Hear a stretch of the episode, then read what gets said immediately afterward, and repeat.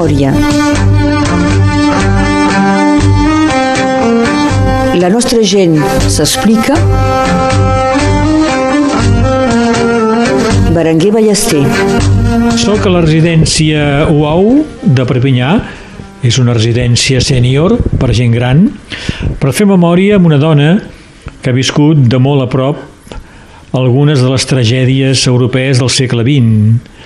La guerra a l'estat espanyol, la retirada als camps de concentració a les platges de Catalunya Nord, la repressió franquista sobre la seva família, els camps d'extermini nazi que el seu marit va conèixer i també la resistència antifranquista i després, durant molts anys, amb el seu marit, explicar, explicar, explicar com a deure de memòria.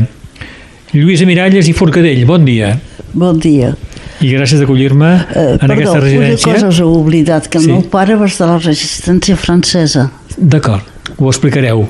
I gràcies per acceptar fer memòria per Ràdio Arrels. Crec que teniu una bona memòria, vos.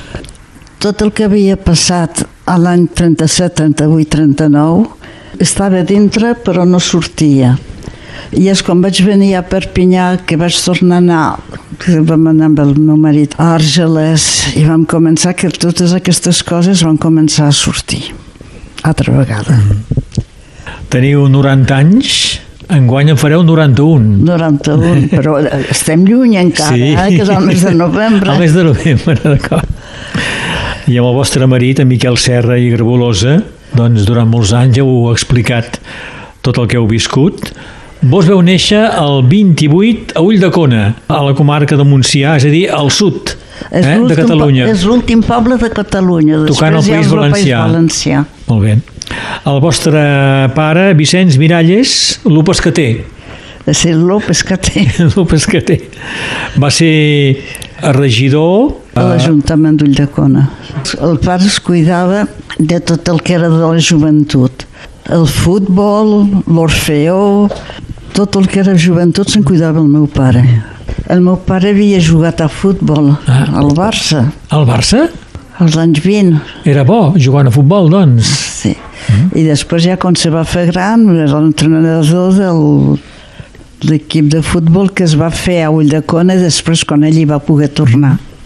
Eh, Li deien Lu Pescater perquè era el fill de la pescatera. Sí, la meva iaia era pescatera i el meu avi matern ell feia negoci, no no era negoci de vi, era tastador de vi, o sigui que en aquells temps el vi cada cul feia a casa d'ell amb el trull, Sí. pa, pa, pa, pa, pa, balla dins del trull, Aixafaven el raïm. Feien el raïm i feien el vi. I el meu avi, que es deia Andreu Forcadell, com Carme Forcadell, que també és origen dels meus... Sí, De Ulldecona. d'aquella zona, sí. Sou família? No, no, no, els sí, jo la conec. D'acord. La conec perquè la, me la van presentar fa dos... L'any passat va ser... un- Fa, sí, o fa dos anys. Fa dos anys, probablement, Sí, aquí a a Perpinyà. Argelès. A Argelers. Bueno, doncs, l'avi anava i el tastava i deia fa tants de graus i tot això. I després venien els vinetaires a buscar el vi. És l'ofici del meu avi. Però és que el meu avi, a més d'això, el meu avi Andreu, havia fet la guerra de Cuba. I després de la guerra de Cuba va fer la guerra de Filipines. I així que va estar quasi bé 10 anys, em sembla que era fora, i l'àvia eren nòvios quan va marxar i, i quan va tornar es van casar. Però el meu avi, quan va marxar d'Ulldecona, no sabia ni llegir ni escriure. I el temps que va ser soldat, com era molt, era molt savi, va dependre a llegir i a escriure i tocava música. Però tot això ho va fer mentre servia i després ja quan va venir al poble doncs anava a cantar missa, anava, tocava a l'orquestra del poble, Mm Això el vostre avi. el meu avi, I el vostre pare era Basté. Basté. Feia corretger, diguem-ne. Corretger, feia- és corretger en català. Des d'ara que en diuen Basté. El meu pare Ah, era corretger. corretger. Però el meu pare era, el meu avi, el pare del meu pare, Sí. perquè també es deia Vicent Miralles, ell era cabrer, tenia un Un ramat de cabres. ramat de cabres, de matí se n'anava a portar les, les cabres al, al Montsià. Quan baixava del Montsià munyia les cabres. I venien la llet, i la llet que quedava, la meva iaia, la pescatera, feia formatge, feia mató. Tornant al vostre pare, que feia els guarniments de les bèsties de càrrega, Sí. i això li va servir després, eh? Ja ho explicareu. I la vostra mare què feia? La meva mare bordava, feia les coses de casa, Sí. però havia anat a les monges Sí. i bordava per la gent després. I per acabar, la Coral Joventuts Unides de la Sènia, l'Orfeu Ull de Conenc, d'Ull de Cona i la banda de música d'Ull de Cona i tots vostès també, eh, que interpretaran l'himne de Cona en la lletra de Jaume Antic Domènech i la música de Miquel Querol.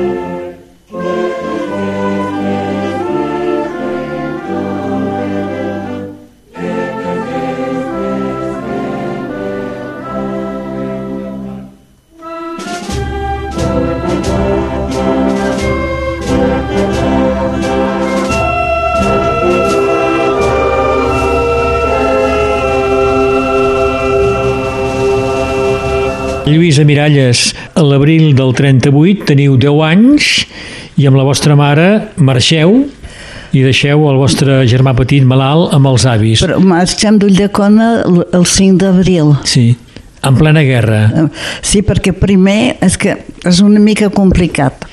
Els refugiats que venien de Toledo, la meva mare els va acollir a casa a Ulldecona. I tenien després un militar a la família que estava a Portbou. I de casa nostra van anar a Portbou. I llavors nosaltres, quan la mama va tenir de sortir, de marxar, perquè també l'haurien matat, està, ja s'hagués quedat, vam marxar la mama i jo d'Ulldecona el 5 d'abril, ens vam quedar uns dies a Mataró i després vam vindre a Portbou. A Portbou. I per això ens trobàvem després a Portbou. En Teniu records de la guerra? Teníeu 10 Oh, anys, sí, eh? clar que sí que en tinc de records dels bombardejos i de tot. A Ulldecona van bombardejar? Sí, perquè ja estàvem, ja estàvem baixant per la Sènia, pel poble, la Sènia, i Sí. sí. quan el meu pare ens va fer marxar, ell ja sabia que baixaven, però ell i l'alcalde ens van posar la meva mare jo, la dona de l'alcalde i el fill de l'alcalde dins d'un camió que passava perquè marxéssim. I ells dos se van quedar per l'Ajuntament. I això era el dia 5 d'abril. I dos o tres dies després, és la fetge exactament, recordo, el meu pare va telefonar a la Sènia, al poble de la Sènia, què feu per aquí dalt? Aquí les tropes del general García Baliño, es deia? No en recordo. Ja havien arribat els franquistes. Sí, sí, estaven els franquistes a la Sènia. I llavors l'alcalde i el meu pare van agafar la bicicleta i van marxar. I a Tortosa el pare ja l'havia saltat, van passar el riu i el meu pare ens va vindre a veure a Matorell i després se'n va anar amb l'exèrcit a l'Ebro Sí. i allí va estar ferit. Lluïsa, aquells anys de guerra, el 36, el 37, el 38, Sí. eh, passeu fam, teniu por? Com veu viure aquells anys? Molt, no, fam no, perquè com mentre estàvem al poble, perquè la, la meva mare tenia un pati que criava conills cri, Sí. i tenia un hort, la mare de la meva mare. El meu avi feia el vi, la meva iaia tenia terres. Tenia un- oliveres, tenia vinya, bueno. Eren treballadors, obrers, però independents, era d'ells el que feien. Sí. Marxeu, doncs, amb la vostra mare a l'abril del 38, I- arribareu a Portbou i passeu un temps a, Portbou. El que més em recordo de Portbou és de la guerra, perquè a Portbou això no s'ha dit mai, no se sap, Portbou no estava bombardejat pels avions, estava pels italians en barcos. I això me'n recordo a les nits. I una vegada a Portbou una bomba va caure a quatre passos de la mama i jo. Això sí que me'n recordo. I el que em recordo també, que no ho he dit mai, sereu el primer, que me ve ara a la memòria, quan van marxar els internacionals Les brigades internacionals. les brigades internacionals, quan els van fer marxar d'Espanya, el tren va parar a Portbou. I a nosaltres, els nens, ens van fer anar a l'estació perquè els diguéssim adiós. I això no ho he contat mai, sí. perquè veure plorar aquells homes però que es feien marxar, Crec que aquells mesos que veu passar a Portbou, teníeu doncs 10 anys, podíeu anar a Cervera a escola... a, a escola, eh? Sí. Podíeu travessar la frontera, Sí, doncs. sí, el tren al matí, un trenet, pujàvem al tren i baixàvem a Cervera i allí anàvem a una escola que estava fet, estava fet per la Creu Roja. Mm. No me'n recordo ben bé si era la Creu Roja o el que es dia llavors eh, el Sucur Rouge. I en aquesta escola de Cervera podíeu menjar. Ma- Ens donaven menjar. D'acord. Com ho sabeu tot això? Ah, I la meva mare, ara veieu, una cosa que d'això no me'n recordava. La meva mare feia feines a casa d'uns contrabandistes, que era, sempre havien sigut contrabandistes, com hi havia les fronteres a llavors, eh? compraven coses, bueno, això, feia feines i és ells que li van donar a la meva mare una adreça de familiars d'ells a Cervera perquè jo, quan anava a Cervera, els anés a veure. Però això després és el que ens va servir la mama i jo anar de seguida a Argelès, al camp.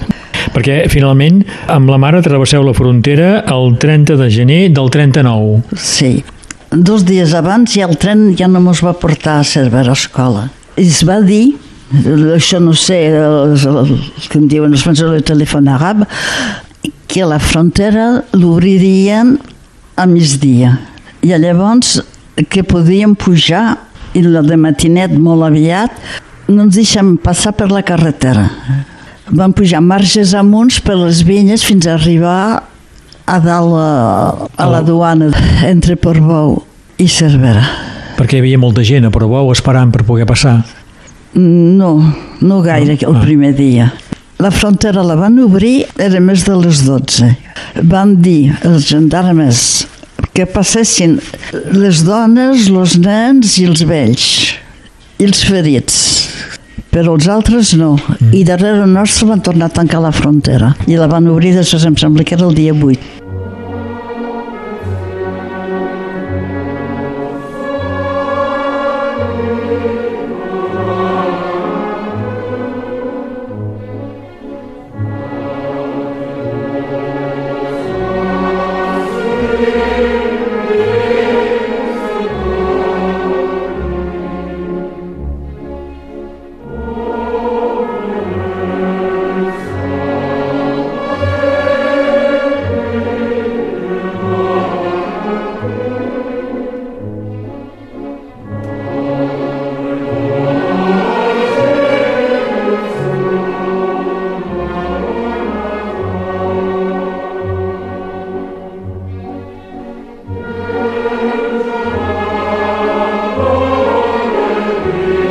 Spirit.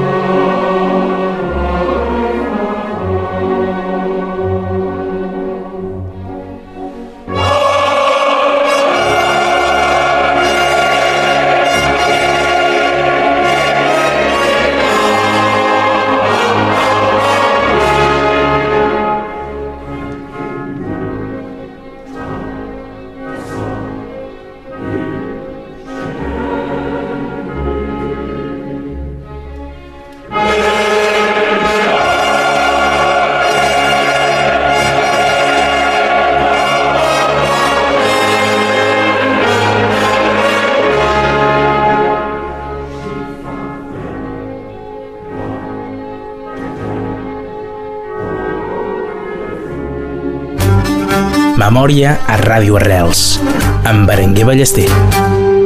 Lluïsa Miralles, mentrestant el pare ha fet la batalla de l'Ebre i passa la frontera amb l'exèrcit republicà Sí, i l'envien directament... El meu pare eh, ja a la frontera va estar ferit Sí, i el van portar a l'hospital a Olot. I nosaltres encara estàvem a Portbou amb la mama. Llavors vam poder anar a veure el meu pare a Olot. d'acord. I dos dies després, quan va saber que Barcelona anava a caure, ell va sortir de l'hospital i se'n va anar a l'exèrcit. I va passar llavors amb l'exèrcit. I el van enviar directament al camp d'Argelers. Sí. Vosaltres, quan heu passat la frontera, al gener del 39, teniu coneixences de gent que viu a la Torre d'Elna Sí, i aneu a casa seva, no? La, era la, la connexió de lo que la meva mare, i és que això no me'n recordava, era la primera vegada que em surt que era uh, aquell on ella anava a fer les feines Sí. que li havien dit, ah, hi ha uns fulanos allà que, i són aquests fulanos de, de Cervera que van cridar els de la Turbaselna per, per dir-los que Sí. estàvem allí I aquí, a la Torre d'Elna, hi seu fins que esclata la Segona Guerra Mundial, sí, al setembre del 39, sí. i els gendarmes Ens us venen a buscar i us porten al camp d'Argelers. no els gendarmes venen a avisar A avisar. que ens portaran demà al camp d'Argelès qu'ils n'ont pas été contrôlés com si fóssim matari I l'endemà, i a la matinada es deia Barrera, Josep Barrera, el, el senyor, aquest on estàvem, va agafar el carro i el cavall, va posar un matalap vell al carro, eh, nosaltres, amb la nostra roba, ens va portar ell a Al- Argelès. al camp d'Argelers. Perquè no volia que tinguéssim la vergonya de marxar amb els amb gendarmes. Són coses que ara perquè tinc confiança, així parlem com si fóssim amics, em sembla que ho serem, Sí. i vull dir jo, i, i em surt. Sí. Però quan són periodistes que no, no me sento... Lluïsa, quin record teniu d'aquells mesos al camp, a la sorra d'Argelers? És molt difícil. El que més em recordo, no, que em vull recordar, és del bo que va passar, que passàvem. O sigui, la solidaritat entre la gent. Les mestres que es feien a escola, Es va organitzar una escola al camp. al camp. Sí. Hi ha mestres que en una barraca els hi havien donat un guix, uns papers, no sé què, no teníem llibres, no teníem res, no teníem llapisos, no teníem res, tot era oral, clar. sí. Però teníem escola. Les dones i els homes eren separats, no? En el sí, camp? sí, sí. Nosaltres estàvem al camp de les dones. De les dones. El meu pare al camp dels homes. I entre nosaltres hi havia el riu, el, el Sí. sí. barranc, que no és un riu, el barranc, a fil ferrat a cada costat. O sigui que d'un camp a l'altre no hi podíem anar. I després també dins de la barraca, ai mira, jo m'han donat un jersei vell, eh, no el sé fer, eh, lo desfaré, tu que m'ensenyaràs a fer el mitja perquè el pugui fer una altra cosa. A mi, a mi m'han donat això, podríem rentar la roba. La Us ajudàveu entre vosaltres, eh? entre la gent. Sí. I una cosa molt bonica que em va passar, després diré el, el que és trista, Sí. ara dic el que era, va ser bo per mi. El meu pare va estar parlant, el meu pare estava a la barraca dos Àrgeles. Va estar parlant amb un gendarme que parlava català i li va dir la meva dona i la meva filla estan al camp de les dones i la meva dona una vegada cada 15 dies els deixaven veure els matrimonis. Els posaven en una habitació, després ell tornava...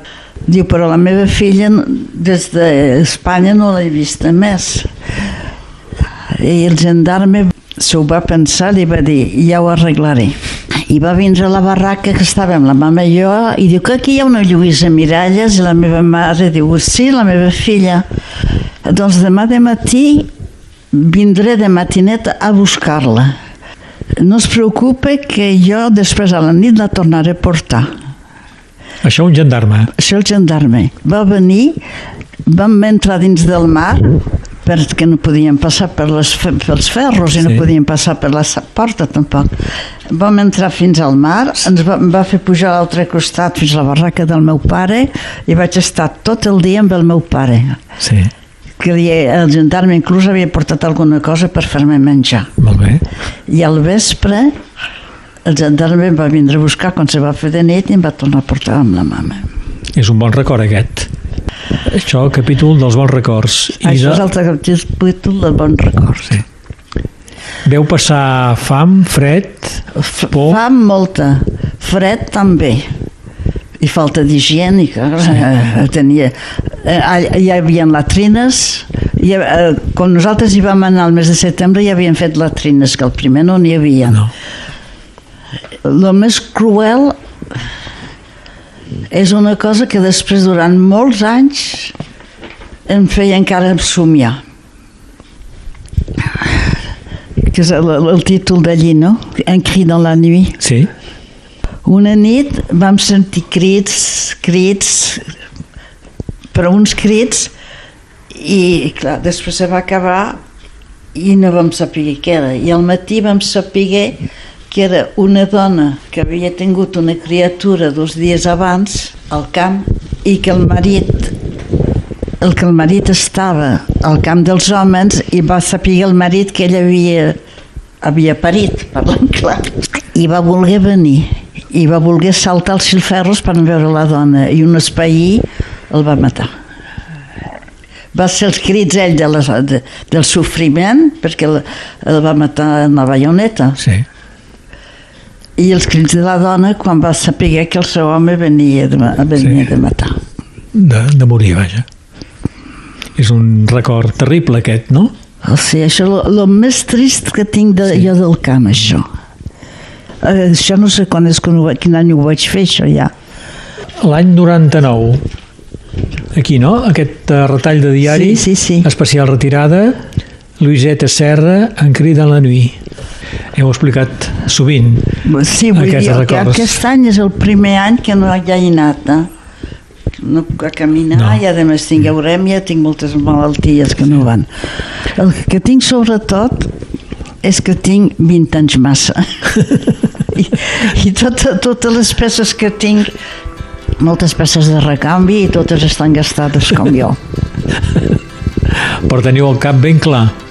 Ah, gràcies a Déu, sí. gràcies a mi, sí. Sí.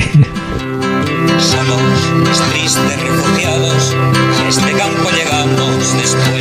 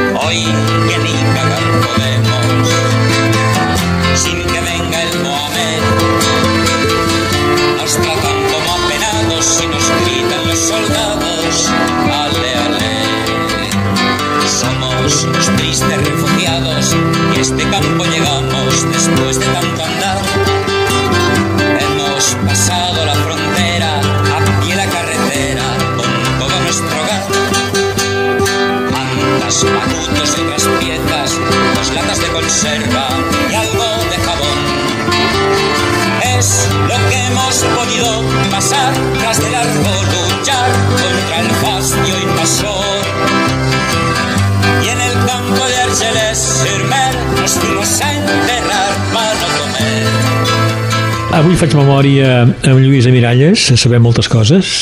Lluïsa, el vostre pare va sortir del camp per treballar de correnger A Rennes. de la cavalleria de l'exèrcit francès a Rennes, eh? Sí, a Bretanya. a la Bretanya. I va fer gestions perquè poguéssiu sortir del camp vos i la vostra mare. Va enviar els diners per a... perquè com treballava Sí. sí. tenia un sou com un obrer. Mm. Eh, ne van sortir de catalans que eren basters, corregers, del camp d'Argelers ne van sortir cinc. Quatre que ho eren i un que no ho era però que se'l van portar en ells. Que ell va dir que sí, Per, sí. a, per a poder... Per, els van dir, no, tu, tu diràs que ets correger i que vens amb nosaltres perquè Sí. sí. era un jove que era de hi havia un aragonès que es deia Pablo, un valencià, que no me'n recordo com se deia, el meu pare, un que era de, de Martorell, i aquest noi que era de Manresa no sé on, bueno, eren tots catalans. I tots van estar, estaven a Rennes. I quan, quan nosaltres, el meu pare va poder enviar diners i vam portar al tren i vam pujar al tren. I vam anar a Rennes. Però això, l'exode francès hi havia començat finals de març o principis d'abril. Ben bé no me'n recordo, però ja veia els, de, els, els alemans ja havien passat per dalt, ja havien invadit Bèlgica. Se va dir l'exode. Sí. Ja començaven Havien a baixar. d'anar baixant cap al sud. I nosaltres pujàvem i ells baixàvem. I aleshores a Rennes es- estava molt bé, el meu pare ja havia trobat un piset i aquests catalans que estaven allí que no tenien ni la dona ni els fills, la meva mare els rentava la roba, els hi planxava la roba, però això només va durar tres mesos o quatre perquè Arriben els alemanys. Vam tenir de fugir llavors també sí. perquè els espanyols no sé com ho van saber el pare ens ho va dir ens han dit que tenim de marxar de seguida perquè tots els que han sigut de l'exèrcit republicà espanyol els alemans els agafen i els maten u els deporten immediatament No es calia fugir. i vam Eh? fugir i vam fugir, vam començar a baixar cap avall el que no tinc ben bé segur eh, només me'n recordo no sé com hi vam arribar això no me'n recordo, no sé si vam anar a peu o en autobusos o com. El que me'n recordo sí és que quan vam arribar a Tours vam passar la Loire i els ponts van sal- saltar darrere nostre. Això sí que me'n recordo. Que van dir, vite, vite, vite, vite, ça va sauter. I quan arribeu a Tula i després a Bourges, Sí. els alemanys ja hi són Ja hi són. i us porten a, a uns centres Sí, de a la, retenció. la casella Condé. Com eren aquells centres? Com eren? Eh, Era militar, no era una presó. Era una caserna militar, Sí. perquè com no hi havia els soldats, però no érem només nosaltres els que vam, no érem nom, era tots els que volia, tots els que agafaven perquè no passessin la frontera, perquè ja estava la línia de marcació. Sí. Així és com vaig, comen vaig començar a parlar jo francès, perquè clar, eh, mentre vaig més tard no vaig anar a escola perquè no, no hi havia temps. A la Tour Basel també vaig tenir uns problemes per anar a escola, per això és un altre problema, no ho he dit, ja, ja ho diré. I, I allí a Rennes, a la casa en Condé, hi havia tots els del nord de França que havien baixat, no érem nos, només nosaltres els espanyols No, allí. I el vostre pare pot treballar de sabater pels alemanys. Van vindre els alemans a veure els que volien dels oficis. I el meu pare i, els, i un, dos més dels que estaven amb ell van dir que s'havien treballat els que era el cuiro. I els van portar Clar. al camp d'Avor. I llavors a la meva mare i a mi i ens van deixar sortir i la meva mare va trobar una habitació i la meva mare es va posar a treballar sempre ella de, de que podia fer feines i tot això i és quan jo ja vaig començar ben bé a anar a l'escola a Bourges El vostre pare va treballar de sabater i li va servir finalment el seu sí? ofici, eh? sí, sí, Va treballar de sabater fins que el van empresonar.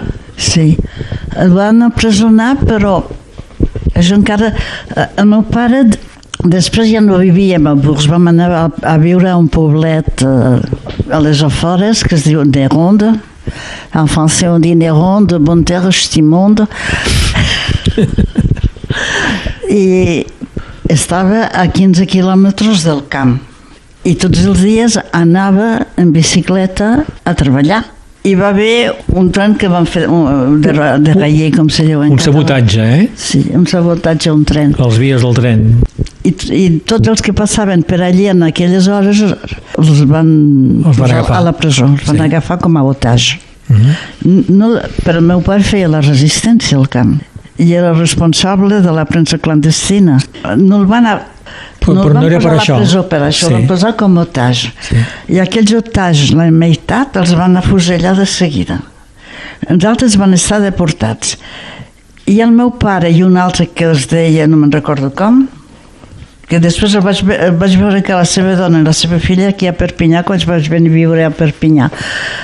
Ells dos, com treballaven al camp, i ja era després de Stalingrad, això, necessitaven mà d'obra al camp.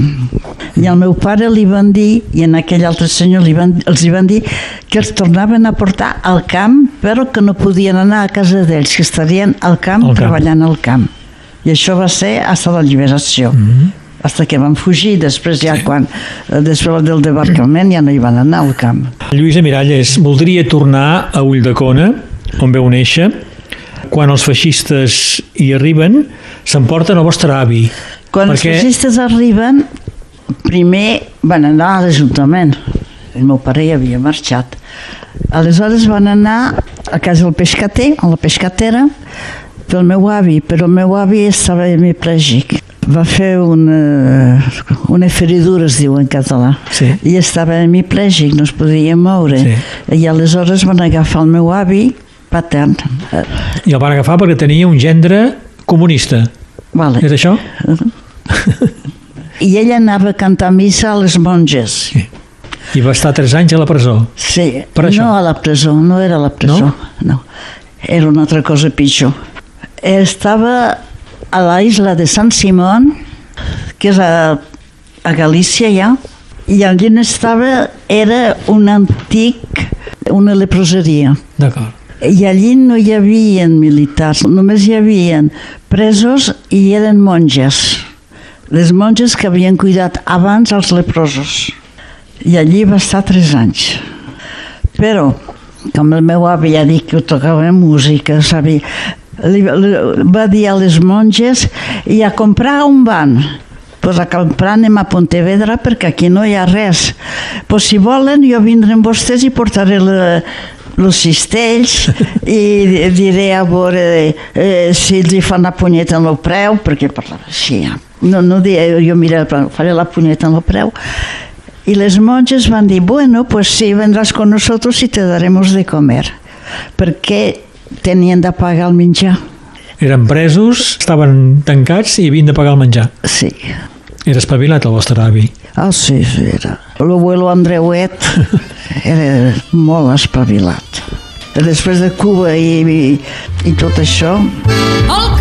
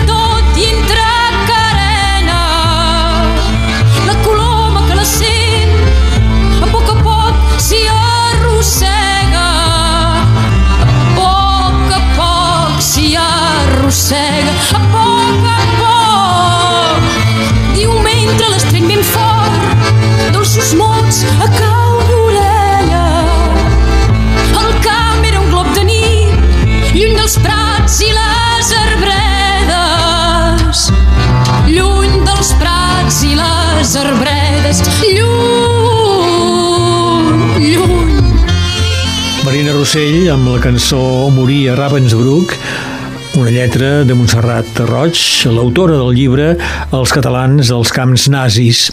Lluïsa Miralles ens parlarà d'aquest llibre perquè el seu marit, Miquel Serra, que va passar 4 anys al camp de Mauthausen, va ser un dels testimonis recollits per l'escriptora. En aquesta primera part de la memòria amb Lluïsa Miralles hem escoltat també l'himne d'Ulldecona, amb l'Orfeó i banda de música d'Ulldecona, i és que la Lluïsa és filla d'aquesta població del Montsià, la darrera abans d'arribar al País Valencià. La cançó Los Refugiados al 39, cantada per Ramon Munts, una cançó que van fer els internats al camp d'Argelers. La Lluïsa hi va passar uns mesos, ella tenia 10 anys, amb la seva mare, al camp de les dones i el seu pare al camp dels homes. I perquè ella ho ha volgut, el va pensiero al cor dels esclaus hebreus del Nabucco de Verdi.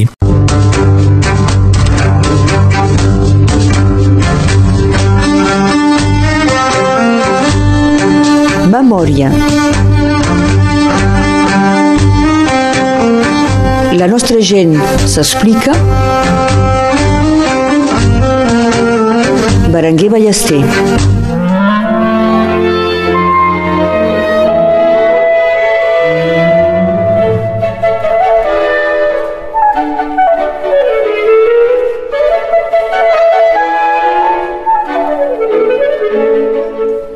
El tercer moviment del concert per clarinet en la major de Mozart per iniciar la segona part de la memòria amb Lluïsa Miralles.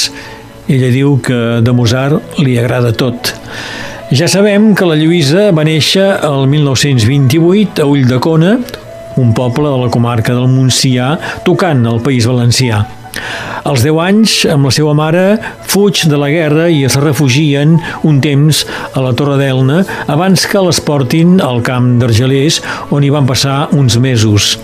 El pare, que ha fet la retirada amb l'exèrcit republicà, també hi és, ell al camp dels homes.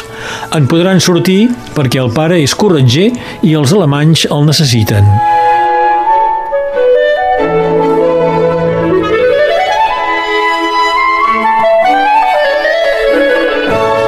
Tornem a, a la vostra vida, a Lluïsa Miralles, perquè hem de parlar també del vostre marit, en Miquel Serra i Grabolosa, amb qui us veu casar al 47 Ens vam conèixer a París. a París, on la vostra família havia anat a viure acabada la guerra. Acabat de la guerra, la meva mare i el meu pare es van quedar al poble aquell que estava a Manerondès perquè la meva mare l'havien operat dels ronyons.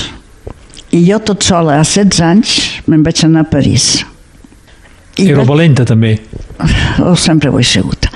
I vaig anar, i jo a, a Neronde havia treballat en una sastreria, cosa, bueno, la mama ja m'havia ensenyat de cosir tot Sí. això, llavors tenia 16 anys i en sabia una mica. I no trobava treball perquè e votre certificat il est Ben, j'ai pas certificat, clar, jo havia treballat a casa d'un jueu, un sastre jueu, no, a Neronde, que estava també amagat allí, bueno, bueno. I, van, I jo dic, aquí me'n vaig a la CGT, perquè jo sabia que hi havia la CGT, que hi havia les coses polítiques que el meu pare m'havia ensenyat.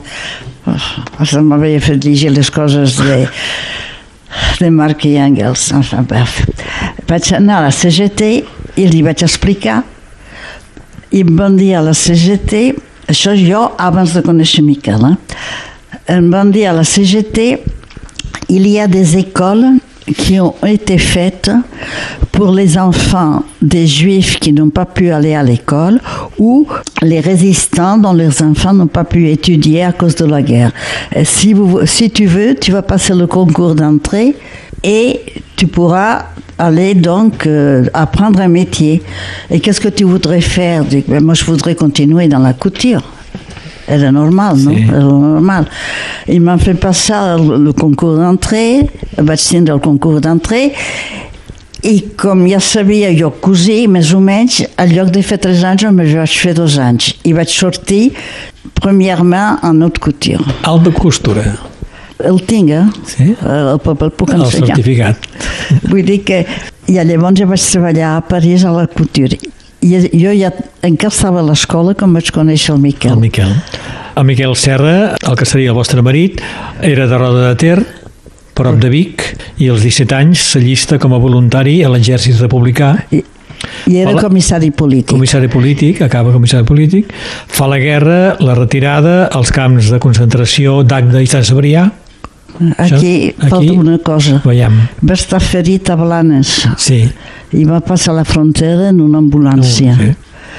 I aquí hi ha també una història molt, molt bonica, si es volem dir.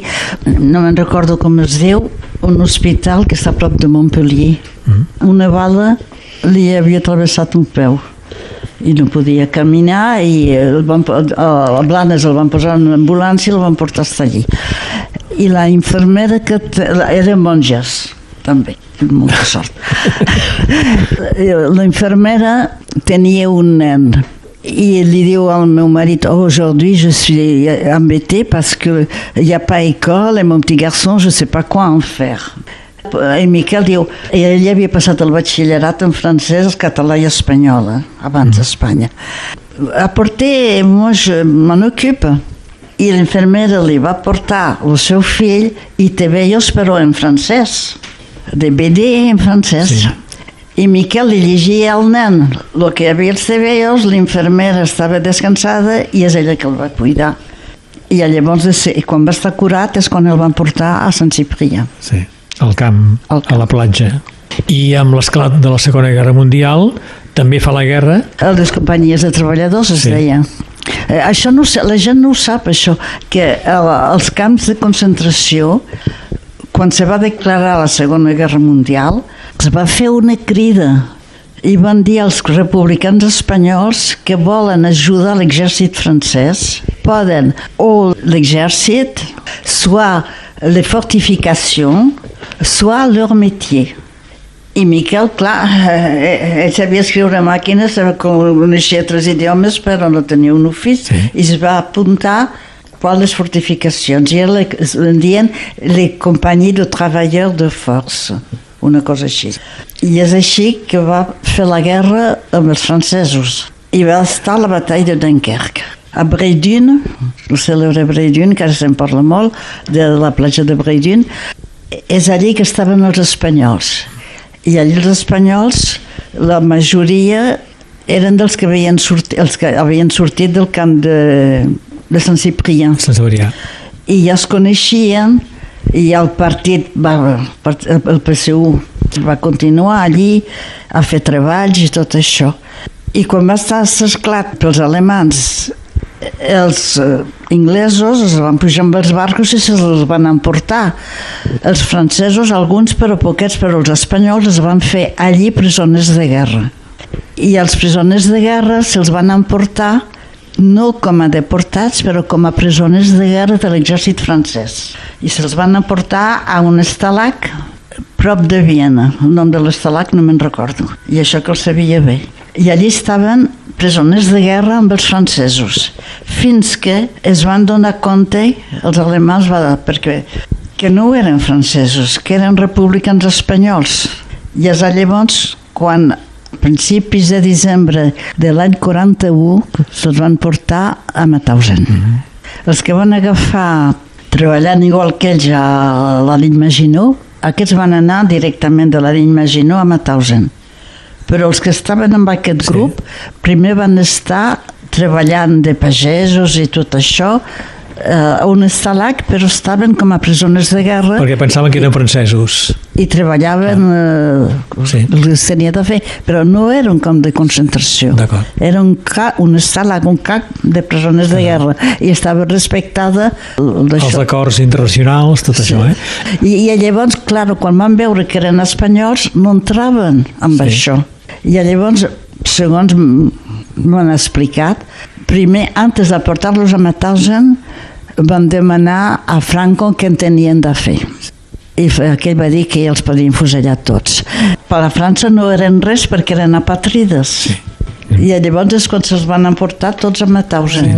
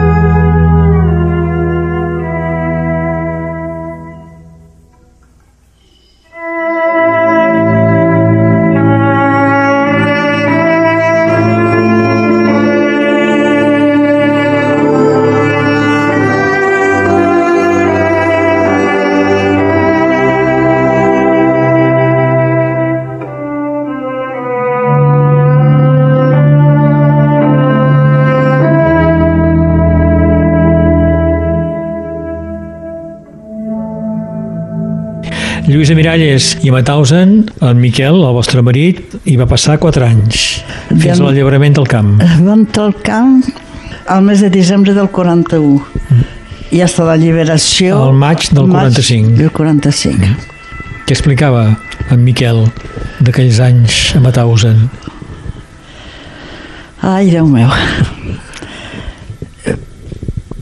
Primer va treballar a la pedrera, però no- pujar i baixar. Baixava i pujava només una vegada al dia, perquè durant... Eh, quan se feia el treball a la pedrera, ell en un, en un bruet, com se diu, en un carretó, Sí. portava els, e- les eines d'un lloc a l'altre i això li permetia de parlar política en tots. Segons me va explicar, mirar les pedres com eren. Si eren planes i grans, anaven bé perquè no pesaven tant. Però en si petites i feixugues pesaven més, i llavors és quan caien per les escales, Sí. les 180 escales que pujaven. I això va durar fins que eh, Francisco Bosch, que treballava El de fotògraf. fotògrafo, li van dir als alemans si coneixia algú dels espanyols que parlés una mica alemany i que, que estava bé. I és Bosch que els hi va dir als alemans que el meu marit treballava a la cantera, però sí. I llavors el van posar com servidor dels SSS.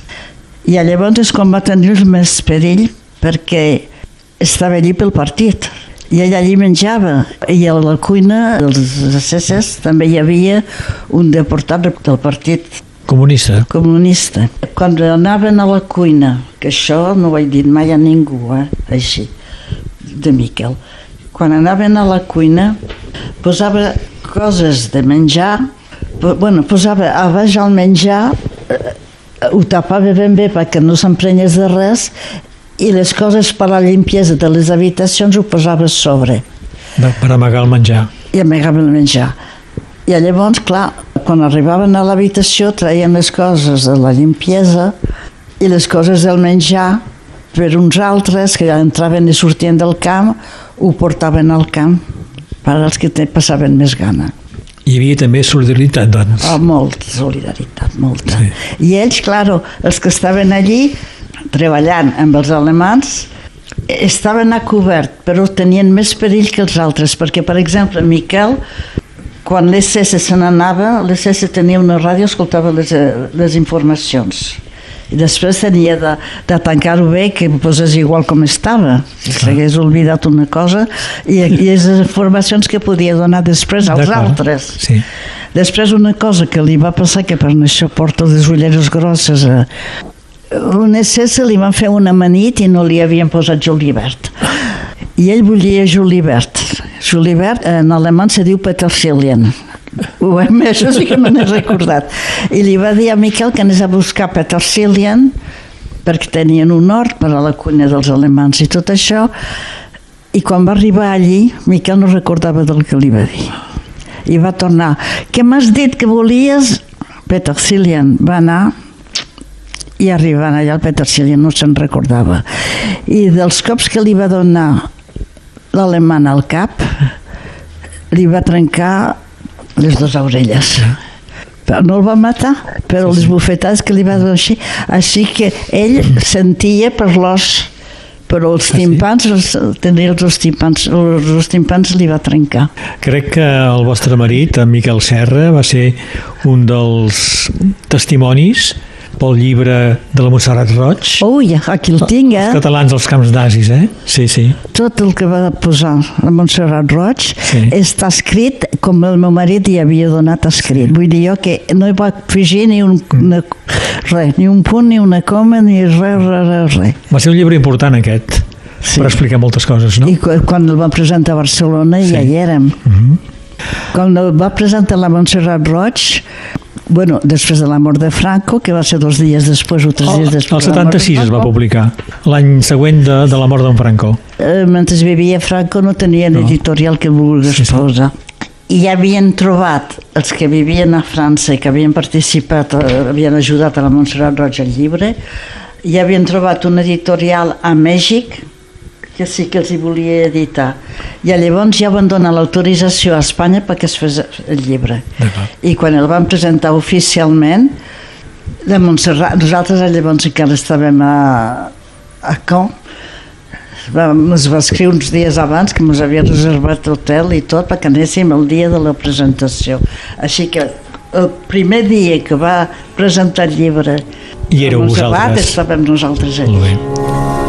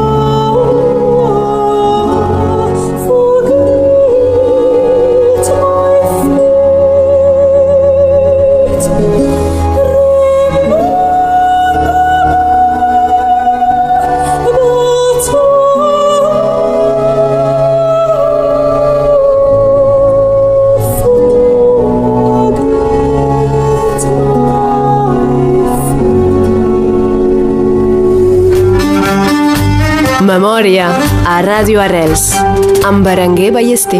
Lluïsa, vos i el Miquel us caseu al 47, a París. Doncs, eh, jo a treballar. El Miquel també va... Una, una cosa molt maca. Per això... Quan... Eh, de, la deportació, primer va estar una mica a casa d'un dels amics seus a, a Montauban, però allí no hi havia res a fer. Diu, oh, quan es va trobar bé va pujar a París, perquè a França diu pugem a París, sí, sí. encara que visques a un altre lloc, pugem a París. Bueno, va pujar a París i no tenia... Ell sabia l'espanyol, el, el francès, l'alemany, el català, però no tenia cap certificat d'estudis. No tenia cap paper i no trobava feina. I doncs el seu cap, com sempre havia vist les, els telers, li agradava tot el que era... Perquè a Roda de Ter hi havia molts de telers abans Sí? tot el que era coses de fàbrica li feia il·lusió. I va veure que hi havia treball a una fàbrica de camions i va anar. I va, eh, què, què saps fer? El que vulguin, va, ouvrier gros travaux. I en un carretó portava el que en diuen bueno, les cosetes de l'oli així, per les màquines, Per engreixar les per màquines. engreixar les màquines. Sí. Diu, en francès se diu de burette. I va veure que el que era el, el, el jefe d'aquest sector tenia una màquina d'escriure però que feia el que se'n diu en francès de bordereau, ho feia a mà. I Miquel li diu, "Va, aquí té vostè una màquina d'escriure i no se'n serveix. Toi, en espanyol, tu vas pas me dire que c'est ce que c'est une machine d'écrire. Et Miquel lui contesta en quelle langue vous le voulez? En français, en espagnol, en allemand ou même en catalan. Tu sais écrire à la machine? Ben oui. Eh bien, c'est toi qui vas faire les bordereaux dorénavant. Sí. Ja no va anar... I allí, doncs, ja, va, ja estava al despatx de bordereau. I després eh, se va saber, no sé com, eh, això, a la fàbrica, que allà hi havia un espanyol que en sabia molt. I el van portar a dalt a les oficines. Hasta que ell va ser ja eh, chef de bureau i quan ja era chef de bureau li van fer una proposició que quan havia estat completament destruït en la Segona Guerra Mundial i que havien comprat els terrenys on antigament hi havia eh, bueno, una altra fàbrica, no me'n recordo de què, dels barcos, i que quatre fàbriques de camions havien fet una reunió perquè els quatre fabricants de camions pugessin la fàbrica a Caen. Et li van dir, si vous voulez aller à Caen, vous serez cadre et vous aurez un logement de fonction. Això dic així tal com va passar. Sí, sí. Eh? I nosaltres, eh, clar, París, el partit, tot això, a París tenim un pis una merda. Parla en català, bueno, res. I, i diu, diu, vaig dir, Miquel, escolta, anem a veure-ho. Diu, tu, tu, tu què faries? Dic, jo, el que tu digues. Però anem a veure-ho. I vam anar, i va, com us vam veure aquell pis, tres habitacions, una sala de ball, i, i la feina, i la ciutat, les escoles, tot, vam dir, pues sí, acceptem. I és quan ens en vam anar a, a Caen, Sí. que llavors ja va anar pujant, pujant, pujant, i cada vegada, però a Caen es cuidava molt de tot el que eren els deportats. Del partit no, com va continuar pagant, però el partit francès no va voler entrar-hi mai. Ells eren, era del PSU, bueno, coses que passen. I allí amb els deportats era el secretari, eh, no, no el secretari, no, el tresorier, el tresorier dels antics deportats del Calvados, es cuidava de les viudes que no havien pogut saber fer els papers per a tenir la pensió de veuve de guerre, una que no cobrava perquè eh, el seu marit era d'aquesta religió, com se diu això? Bueno, els nens no estaven ni batejats ni res, només estaven declarats a L'Ajuntament. Però ja, faltava un paper, i aquest paper, com no tenia aquest paper, de témoins de Jehovà. Sempre torna a sortir la cosa. De témoins de Jehovà eren. I ella tenia quatre fills i no cobrava res. I és Miquel que li va treure tots els papers, que li va fer tot perquè era viuda de deportat I la va ajudar. i la va ajudar. Vull dir jo que, a més de la fàbrica, Sí. feia moltes coses socials. Lluïsa, i crec que el 66 veu crear la Miquel de Mauthausen. No? Sí, a, a, A Barcelona. A Barcelona, Sí. però ja hi havia anat abans. eh? Sí. Jo també. Coneixem molt bé a Pagès, que aquí el tinc en foto, eh? una Sí. de les revistes que hi ha aquí, que és tot, de coses de Mauthausen, està... No, eh, no, és un, un diari català. Sí. Està ell, Mauthausen, eh, Miquel i Constantí. Sí. Eh, he parlat del llibre de la Montserrat Roig, el Miquel va donar testimoni dels quatre anys passats a Mauthausen. Ell també va escriure un llibre, el Miquel. Sí. Memòries d'un deportat, d'un ex-deportat al camp d'extermini de Mauthausen. Sí, per això està editat aquí, perquè després es va morir i ja no va poder continuar. Quan és que veu venir a Perpinyà? El 80. Un cop jubilat? Un cop jubilat? Eh, bueno, això de jubilat és una manera de parlar, perquè ell era víctima de deportació, invalide, 100% plus 20. Però ell volia treballar i treballava. Bueno, amb dificultats, però treballava. El metge que el cuida, que cada mes tenia de passar totes les coses medicals i el metge era també un antic deportat. I és ell que li va dir je te mets en retraite parce que tu tiendras plus le coup. Il faut que tu t'arrêtes. I llavors a la fàbrica li van fer els papers com si es jubilés, va cobrar més. Sí. Perquè si ell hagués donat la demissió, jo me'n ve. No, no. I la fàbrica el va jubilar perquè el metge li va fer el certificat que es tenia de parar de treballar. Sí, sí. Molt I bé. això va durar un any només, perquè quan teníem logement de funció, un retraité tenia de deixar el logement perquè tindria, Sí. que vindria després. Clar. I després ja, doncs això ja era el 79 i vam dir, bueno, doncs marxem. I vam venir a viure a Perpinyà Mm. perquè escrivia molt, després de la mort de Franco també, amb revistes de, de Roda de Ter, de Vic, de, bueno, de tot això. I era molt amic de Martí Pol. Havien anat a escola junts. Ah, sí? A Roda de Ter.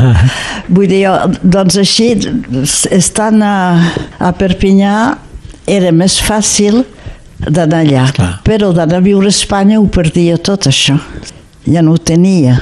Però aquí a Perpinyà era també terra catalana, era a prop de, de Roda Sí, de Ter. anàvem molt sovint eh, i llavors ja es va crear la Miquel de Mauthausen a Figueres, a Figueres va treballar molt i és per això que quan ell es va morir eh, doncs jo vaig continuar perquè ja tenia tots els atributs sí. per a fer-ho. Vaig, conti- vaig anar encara una vegada a Mauthausen amb els companys de Figueres i una altra vegada a Auschwitz també amb els companys de Figueres.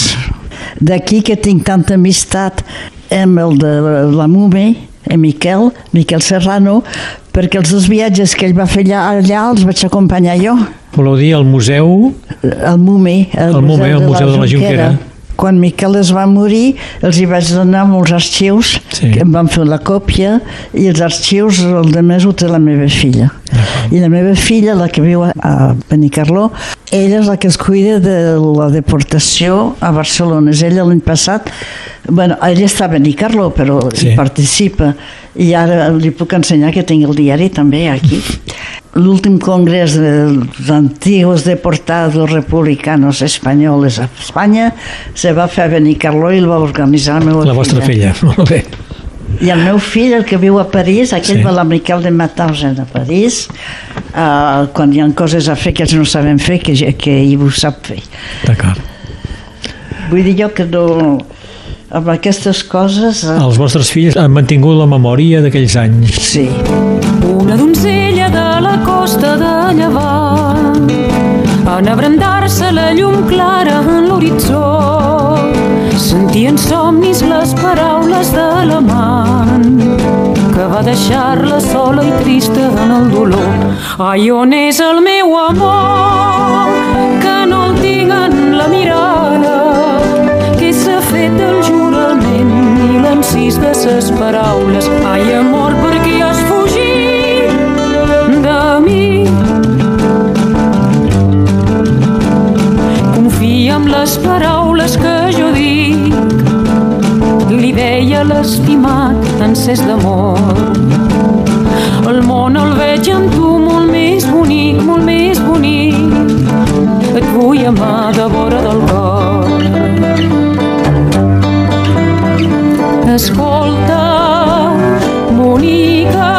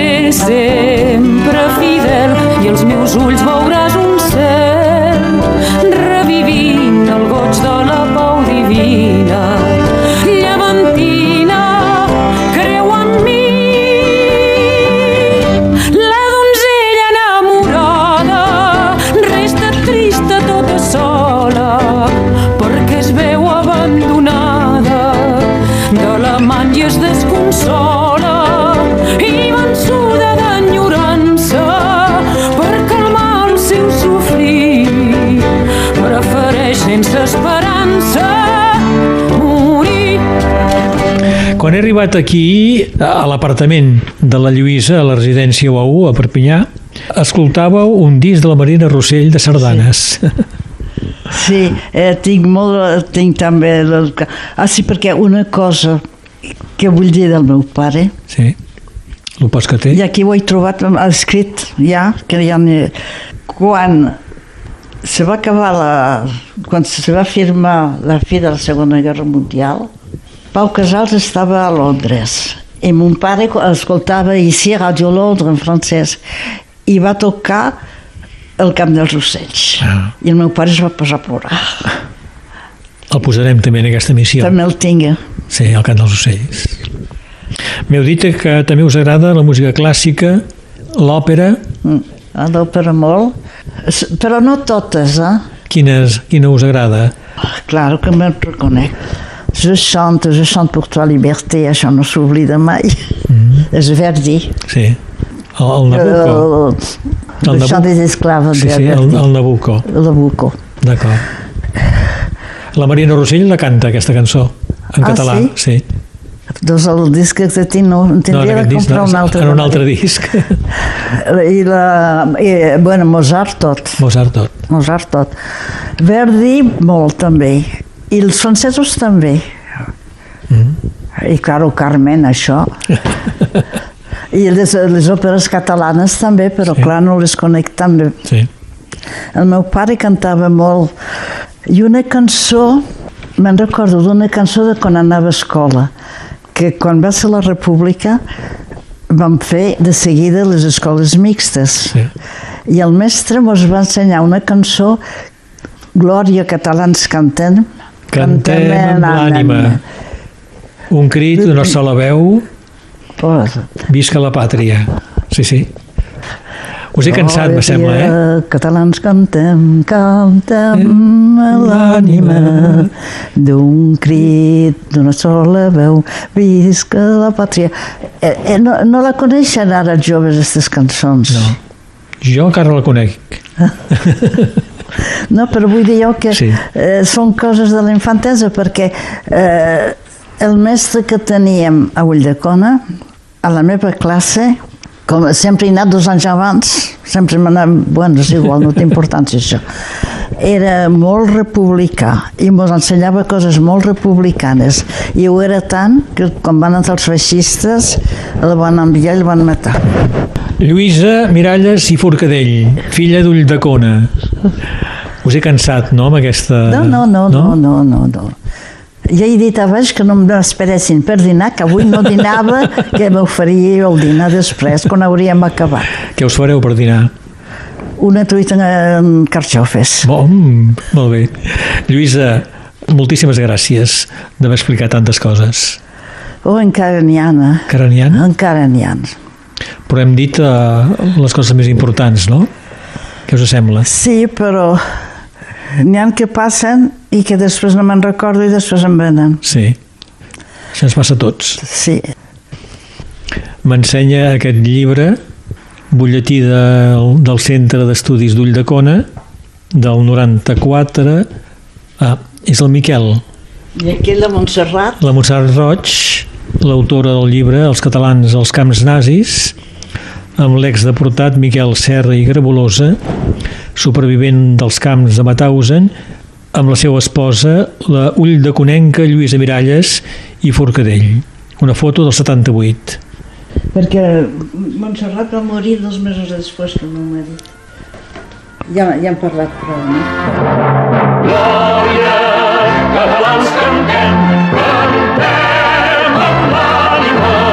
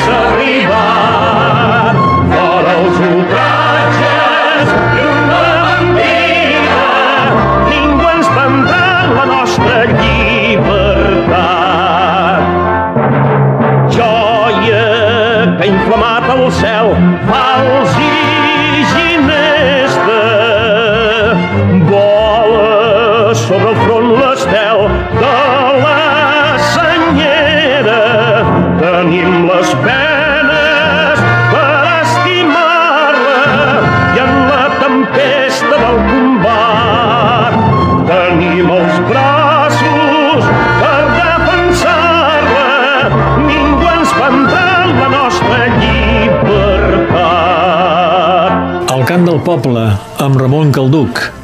La cançó que Lluïsa Miralles va aprendre a l'escola d'Ulldecona després de proclamar-se la República. L'ha recordada i fins i tot l'ha cantada. En aquesta segona part de la seva memòria hem escoltat també el cant dels ocells, en Pau Casals, que son pare, ha explicat, escoltava a Ràdio Londres quan es va acabar la Segona Guerra Mundial. Hem escoltat el lament de Didó i Eneas, de Parcel, amb Teresa Berganza, i la sardana de Vicenç Bou, Llevantina, amb Marina Rossell. Acabat l'enregistrament, la Lluïsa m'ensenya el llibre de la Montserrat Roig, Els catalans als camps nazis, amb la dedicatòria que l'escriptora fa a Miquel Serra, el seu marit. Per al meu estimat, entre cometes, sectari Miquel Serra, lluitador per la llibertat, esperança per nosaltres, els joves. Amb tot, tot el meu afecte, Montserrat, 22 d'abril 1977. Obre el llibre i m'ensenya la pàgina on hi ha reproduït un plànol del camp de Mauthausen fet a ull, diu l'explicació, per l'organització clandestina de la resistència. El deportat Miquel Serra sempre el duia amb ell. Si hagués estat descobert, l'haurien afusellat tot seguit. I després em mostra també una poesia del Miquel, el seu marit, 5 de maig del 1945, doncs el dia que va sortir del camp de concentració de Mauthausen després de passar-hi 4 anys. Diu, 5 de maig, dia esperat, avui ja tenim llibertat, però la vida és ben estranya. Què en podem fer d'aquesta llibertat? Per qui és? És per vosaltres? O és que ens han enganyat? Tothom crida cap a casa, en diferents llengües estranyes. Però vosaltres, catalans, i els de la resta d'Espanya, on teniu que anar a parar? Heu de forjar una altra pàtria, on us hi pugueu quedar i teniu el cor petit i el pensament allunyat dels que la terra heu deixat. Una poesia mecanografiada de Miquel Serra sobre el dia que el camp de Mauthausen va ser alliberat, doncs el 5 de maig del 1945. La Lluïsa em continua ensenyant documents, llibres, fins que em diu «T'ensenyaré el que tinc de més preciós». I em fa entrar a la seva cambra on en un pany de paret hi té les fotografies de quan eren mainatges dels seus tres fills i després les dels nets i dels besnets. Sona el telèfon. És una periodista espanyola de Madrid que li fa preguntes sobre el mateix que jo li he preguntat. La seva vida i la del seu marit, Miquel Serra. No es cansa de respondre. Me'n vaig, la tornaré a veure i li portaré un CD amb la seva memòria. Gràcies, Lluïsa Miralles i Forcadell, i a través d'ella també gràcies a Miquel Serra i Grabolosa. Memòria. La nostra gent s'explica. Berenguer Ballester.